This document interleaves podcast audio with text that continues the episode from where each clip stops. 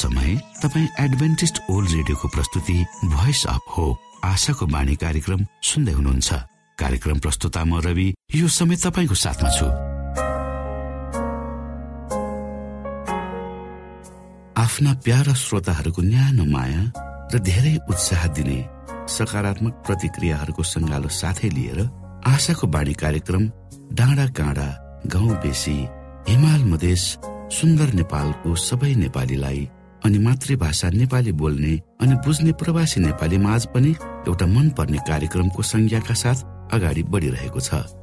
हरेक दिनको कार्यक्रमहरू नयाँ र विशेष आत्मिकी बनाउनु हरेक श्रोताको चाहनालाई समेट्ने प्रयास गर्नु र तपाईँ सबैलाई हाम्रो मुक्तिदाता को हुनुहुन्छ भनी परिचय गराउनु हाम्रो उद्देश्य हो। यसमा तपाईँले हामीलाई साथ दिनुभएको छ। यसको लागि तपाईँलाई हामी धेरै धेरै धन्यवाद दिन चाहन्छौ। परमेश्वरको नामको महिमा होस्। आज पनि हामी बाइबलबाट शिक्षाप्रद सन्देशहरू सुन्नेछौँ।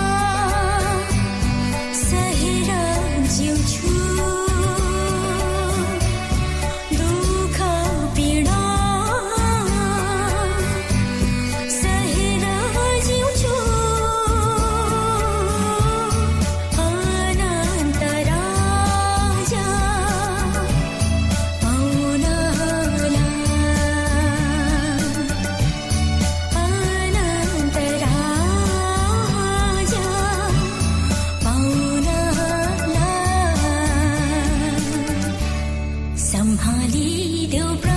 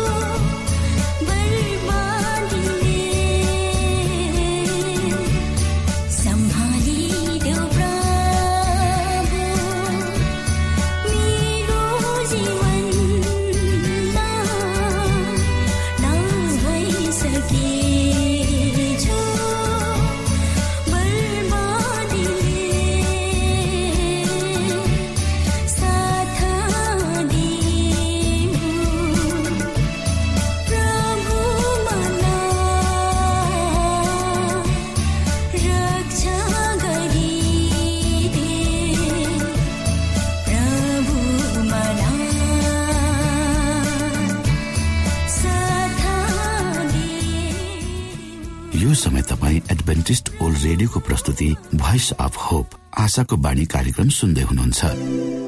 म तपाईँहरूकै मित्र पास्टर धनलाल राई यहाँहरूको बिचमा परमेश्वरको वचन लिएर आएको छु। मलाई आशा छ तपाईँहरूको दैनिकीहरू ठिकठाकसँग प्रभुको अगुवाईमा बित्दैछ। श्रोता तपाईँमा कुनै किसिमका अप्ठ्याराहरू छन्। तपाईँको जीवन दुविधामा बितिरहेको छ। त्यसो हो भने आउनु श्रोता हामी सँगै यस कार्यक्रम मार्फत हातेमालो गरौं। श्रोता आज तपाईँ र मेरो बीचमा आत्मिक क्रान्तिका अग्रज यसु ख्रिस को हुनुहुन्छ भनेर हामी जानकारी लिनेछौ।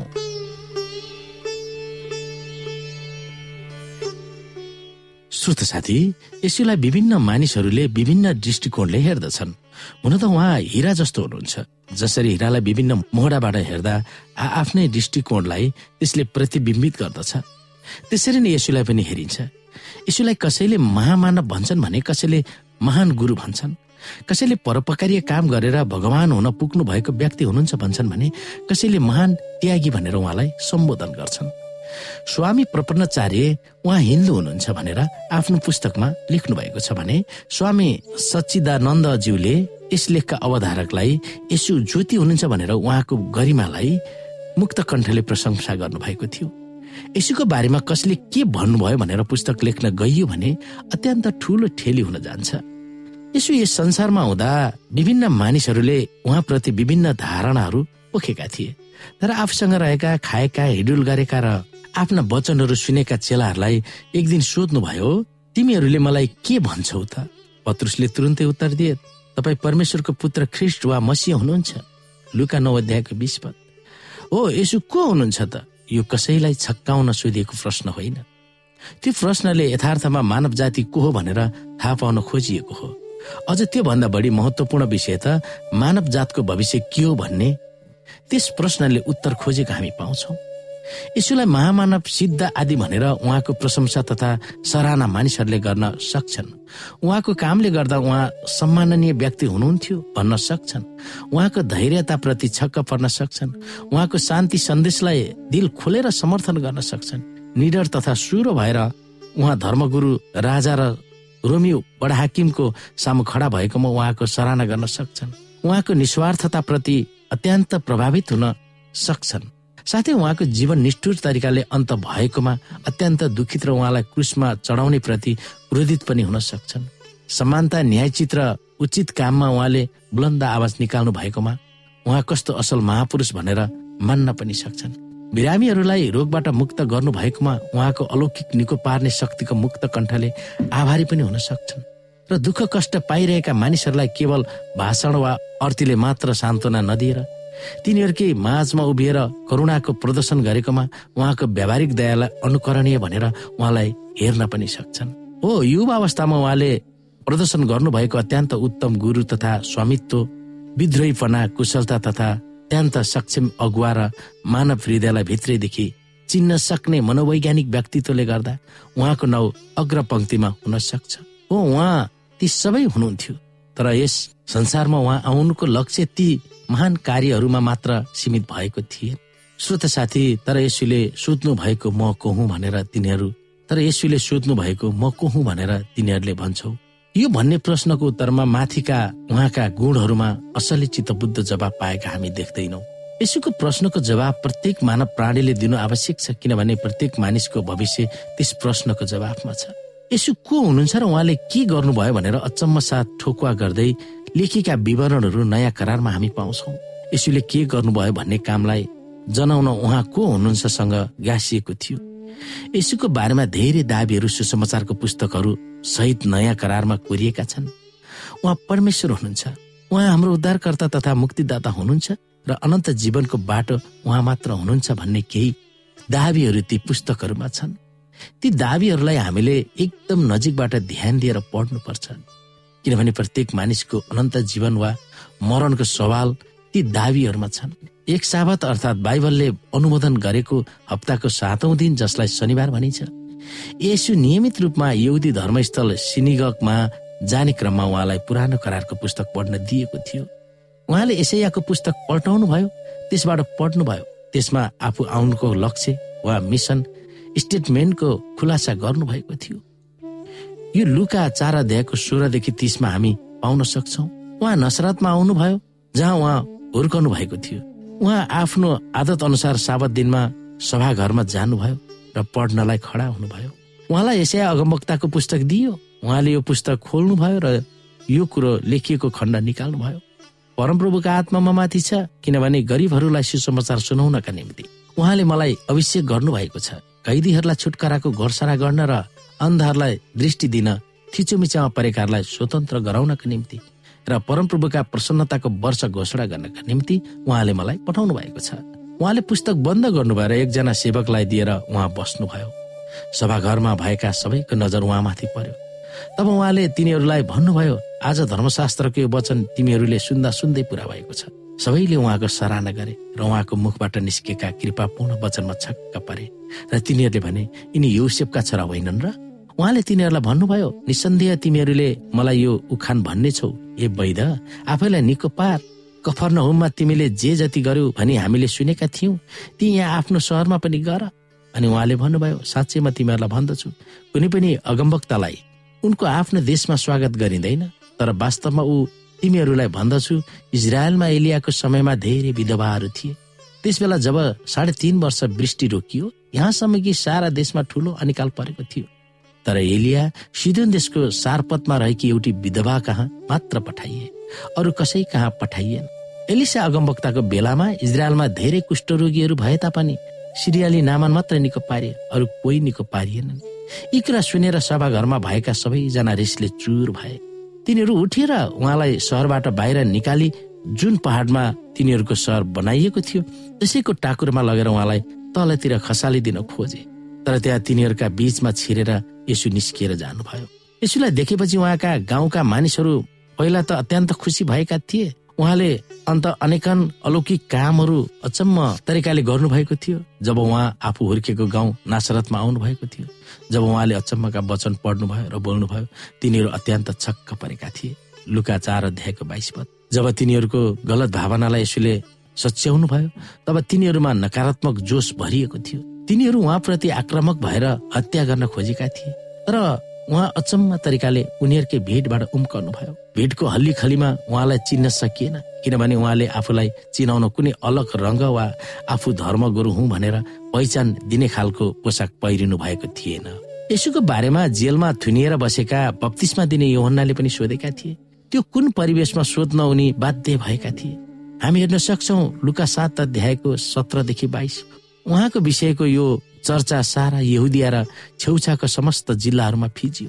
युहन्नाका चेलाहरूले यी सब कुराको समाचार तिनलाई भनिदिए। आफ्ना चेलाहरू मध्ये दुईजनालाई युहन्नाले प्रभु कहाँ यो सोध्न पठाए जो आउनुहुनेछ के तपाईँ उहाँ नै हुनुहुन्छ? कि हामी अरू कसैको प्रतीक्षा गरौँ? जब ती मानिसहरू यसो कहाँ आए तब तिनीहरूले भने बत्तिसमा दिने युहन्नाले हामीलाई यो सोध्न तपाईँ कहाँ पठाएका छन्? जो आउनुहुनेछ के तपाईँ उहाँ नै हुनुहुन्छ? कि हामी अरू कसैको प्रतीक्षा गरौँ? त्यसै बेला यसुले धेरैलाई रोग र व्यथा र दुष्ट आत्माहरूबाट छुटाउनु भयो र धेरै अन्धारलाई दृष्टिदान दिनुभयो। तब उहाँले तिनीहरूलाई भन्नुभयो जाओ र जे जति तिमीहरूले देख्यौ र सुन्यौ गएर यो अन्नालाई भनिदियो अर्थात् अन्धाहरूले दृष्टि पाउँछन् लङ्गडाहरू हिँड्छन् कुष्ठरोगीहरू निको हुन्छन् बहिराहरू सुन्छन् मृतकहरू जीवित भई उठ्छन् गरिबहरूलाई सुसमाचार सुनाइन्छ। आफू हेरत राजाको आतंकको शिकार भएर जेलमा बस्नु पर्दा योहन्नाको भित्री हृदयमा पनि यीशुको बारेमा शङ्का उब्जिएको थियो। त्यही योहन्ना थिए जसले यीशुको निम्ति बाटो तयार पारेका थिए र परमेश्वरको थुमा भनेर सार्वजनिक रूपमा घोषणा गरेका थिए। उनले अपेक्षा गरे अनुसार यसुले यहुदी शासनको भार नलिनु भएकोमा उहाँप्रति गम्भीर शङ्का गरेर यो प्रश्न गरेका थिए। के तपाईँ नै आउनु भएको ख्रिस्ट हो वा हामी अरूको निम्ति पर्खौँ? युहन्नाको प्रश्नलाई यसोले सिधै जवाब दिनु भएन। तर उहाँका कामहरूले नै उहाँ को हुन् भनेर साँची दिउन् भनेर उहाँले भन्नुहुन्छ। लङ्गडाहरू हिँड्न पाएका छन् कोडी रोग लागेकाहरू निको भएका छन् बहिराले सुन्न पाएका छन् मरेका मानिसहरू भौरी उठेका छन् र गरिबहरूले सुसमाचार सुन्न पाएका छन्। युहन्नाले गरेका प्रश्नको जवाब यसोले सिधै दिन आवश्यक थिएन भनेर कसैले तर्क गर्लान्। उहाँकै कामले उहाँ को हुनुहुन्थ्यो भनेर प्रशस्त जवाब दिइरहेको थियो। झट्ट हेर्दा यसुले योहन्नालाई दिएर पठाएको जवाफले उनलाई झन चिन्तित बनाउन सक्थ्यो। परम प्रधानका पुत्र कहलाइने हुनेछ। परम प्रभु परमेश्वरले उहाँका पुर्खा दाउदको सिंहासन दिनुहुनेछ। उहाँले याकुबको वंशमाथि सदा सर्वदा राज्य गर्नुहुनेछ र उहाँको राज्यको अन्त हुने छैन। मरियमले स्वर्गदूतलाई भनिन् यो कसरी हुन सक्छ र? किनकि म एक कन्या हुँ। स्वर्गदूतले तिनलाई जवाब दिएर भने पवित्र आत्मा तिमीमा आउनुहुनेछ सर्वोच्चका शक्तिको छाया तिमी माथि पर्नेछ। यसै कारण जो जन्मनुहुनेछ उहाँ पवित्र अर्थात् परमेश्वरको पुत्र कहलाइनुहुनेछ। लुका एक अध्यायको तिसदेखि पैतिस। त्यसरी नै गोठालाहरूलाई स्वर्गदूतहरूले यो सन्देश दिएका थिए आज दाउदको सहरमा तिमीहरूका निम्ति एकजना मुक्तिदाताको जन्म भएको छ जो ख्रिस प्रभु हुनुहुन्छ। परमेश्वरलाई मात्र दिइने ढोक उहाँले ग्रहण गर्नुहुँदा पिता र म एक हुँ भनेर दावी गर्नुहुँदा उहाँ सृष्टिकर्ता नै हुनुहुन्छ भनेर ठोकुवा गर्न पुग्दा र नयाँ करारमा उल्लेखित अरू धेरै अंशहरूबाट यसु परमेश्वर हुनुहुन्छ भनेर प्रमाणित गरिँदा यसुका प्रत्येक भक्तले उहाँको परमेश्वरीयतालाई सहज स्वरूपमा स्वीकार गर्नु पर्दछ श्रोत साथी आजको प्रस्तुति यति नै। अर्को प्रस्तुतिमा पुनः भेट हुने बाचा सहित म उही तपाईँहरूको आफ्नै मित्र पास्टर धनलाल राई बिदा हुन्छु हस्त नमस्ते। जय मसिंह। यो समय तपाईँ एडभेन्टिस्ट ओल्ड रेडियोको प्रस्तुति भोइस अफ होप आशाको बाणी कार्यक्रम सुन्दै हुनुहुन्छ। कार्यक्रम सुनेर बस्नुहुने सबै श्रोतालाई हामी हाम्रो कार्यक्रममा स्वागत गर्न चाहन्छौ। श्रोता मित्र यदि तपाईँ जीवनदेखि हरेस खानु भएको छ तपाईँका जीवनमा धेरै अनुत्तरित प्रश्नहरू छन् भने आउनुहोस् हामी तपाईँलाई परमेश्वरको ज्योतिमा डोहोर्याउन चाहन्छौ। र तपाईँ आफ्नो जीवनका चिन्ता फिक्रीबाट निश्चिन्त हुनुहोस् र बाँच्नुको आनन्द परमेश्वरको सामिप्यमा कति मिठो हुन्छ त्यो चाख्नुहोस् भनी हामी चाहन्छौँ। श्रोता यदि तपाईँ आशाको बाणी कार्यक्रमलाई अनलाइन सुन्न चाहनुहुन्छ वा डाउनलोड गर्न चाहनुहुन्छ भने डट ओआरजीमा जानुहोस्। त्यहाँ तपाईँले प्रत्येक दिनको कार्यक्रम सुन्न र डाउनलोड गर्न सक्नुहुनेछ। हाम्रो वेब पेज यस प्रकार छ डब्लु डब्लु डब्लु डट श्रोता यदि तपाईँ हामीसित सिधै फोनमा सम्पर्क गर्न चाहनुहुन्छ भने हाम्रा नम्बरहरू यस प्रकार छन्। अन्ठानब्बे एकसाठी पचपन्न शून्य एक सय बिस। अन्ठानब्बे एकसाठी पचपन्न शून्य एक सय बिस। र अर्को अन्ठानब्बे अठार त्रिपन्न पन्चानब्बे पचपन्न। अन्ठानब्बे अठार त्रिपन्न पन्चानब्बे पचपन्न। श्रोता साथी न्यानो क्रिस्टी अभिवादन साथ म तपाईँहरूको आफ्नै आफन्त पास्टर उमेश पोखरेल यो रेडियो कार्यक्रम मार्फत तपाईँहरूको बिचमा उपस्थित भएको छु।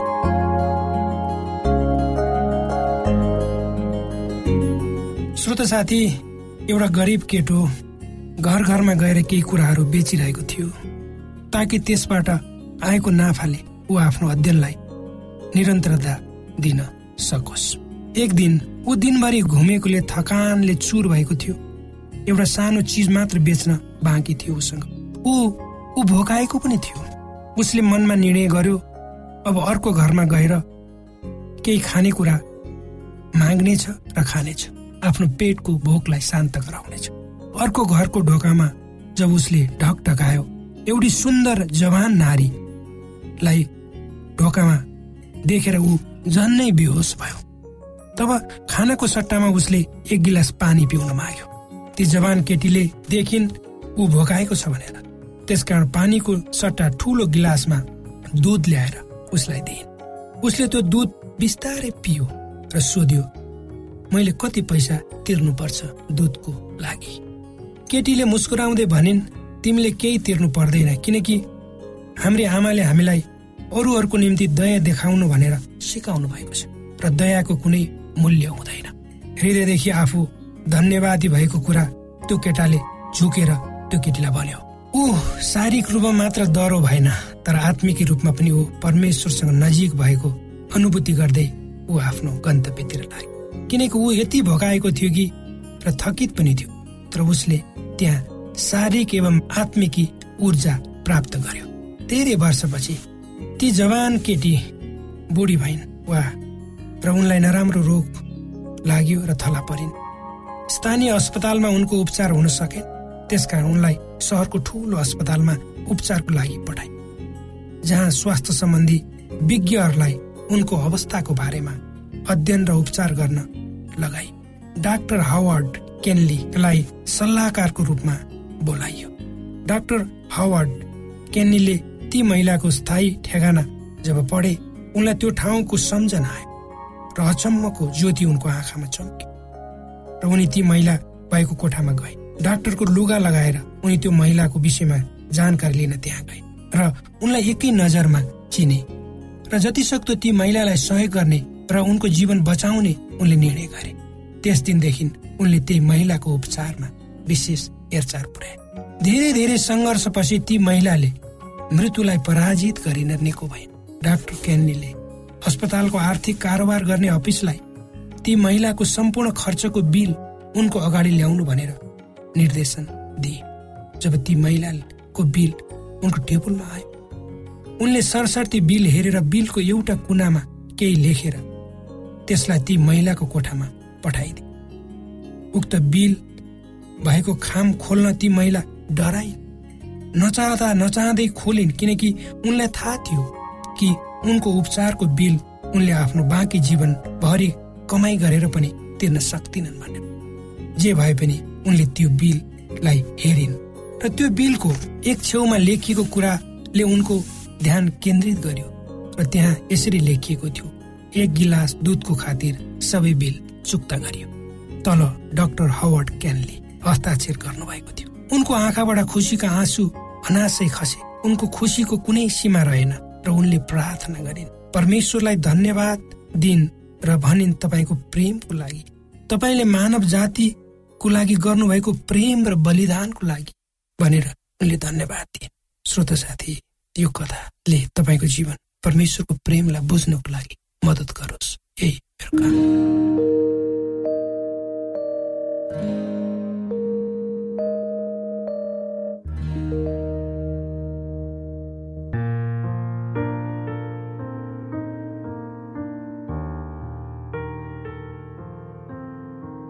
आदरणीय मित्र बाइबलले बताएको छ परमेश्वरले तिर्खाकाहरूलाई तृप्त पार्नुहुन्छ र भोकालाई उत्तम पदार्थले सन्तुष्ट पार्नुहुन्छ।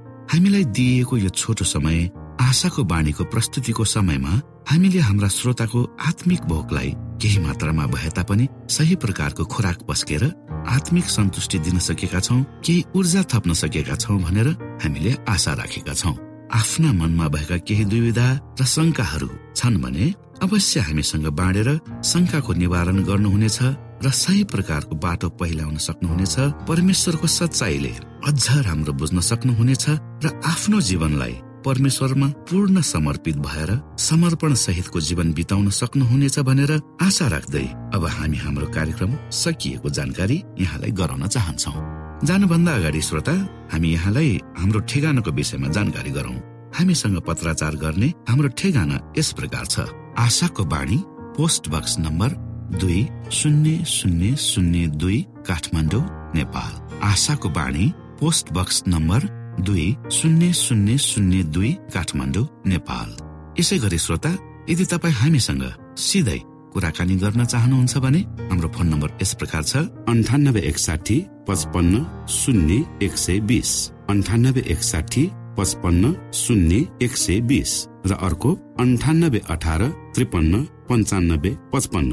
अन्ठानब्बे अठार त्रिपन्न पन्चानब्बे पचपन्न। हामीलाई इमेल पनि गर्न सक्नुहुन्छ। हाम्रो इमेल एड्रेस यस प्रकार छ Nepal at AWR dot org Nepal at AWR dot org यदि तपाईँ हामीलाई अनलाइन सुन्न चाहनुहुन्छ वा डाउनलोड गर्न चाहनुहुन्छ भने तपाईँ W W W dot AWR dot ओआरजीमा जानुहोस् र त्यहाँ तपाईँले हाम्रा सबै कार्यक्रमहरू सुन्न सक्नुहुनेछ। हाम्रो वेब पेज यस प्रकार छ ओआरजी श्रोता यसमा गएर तपाईँले हाम्रा दैनिक कार्यक्रमलाई सुन्न सक्नुहुनेछ र डाउनलोड पनि गर्न सक्नुहुनेछ। हवस् त श्रोता हाम्रो कार्यक्रम सुनिदिनु भएकोमा एकचोटि फेरि यहाँलाई धन्यवाद दिँदै भोलि फेरि यही स्टेशन यही समयमा यहाँसँग भेट्ने आशा राख्दै प्राविधिक साथी राजेश पास्टर उमेश पोखरेल र कार्यक्रम प्रस्तुता म रवि यहाँसँग विदा माग्दछौ। परमेश्वरले तपाईँलाई धेरै धेरै आशिष दिनुभएको होस्। नमस्कार।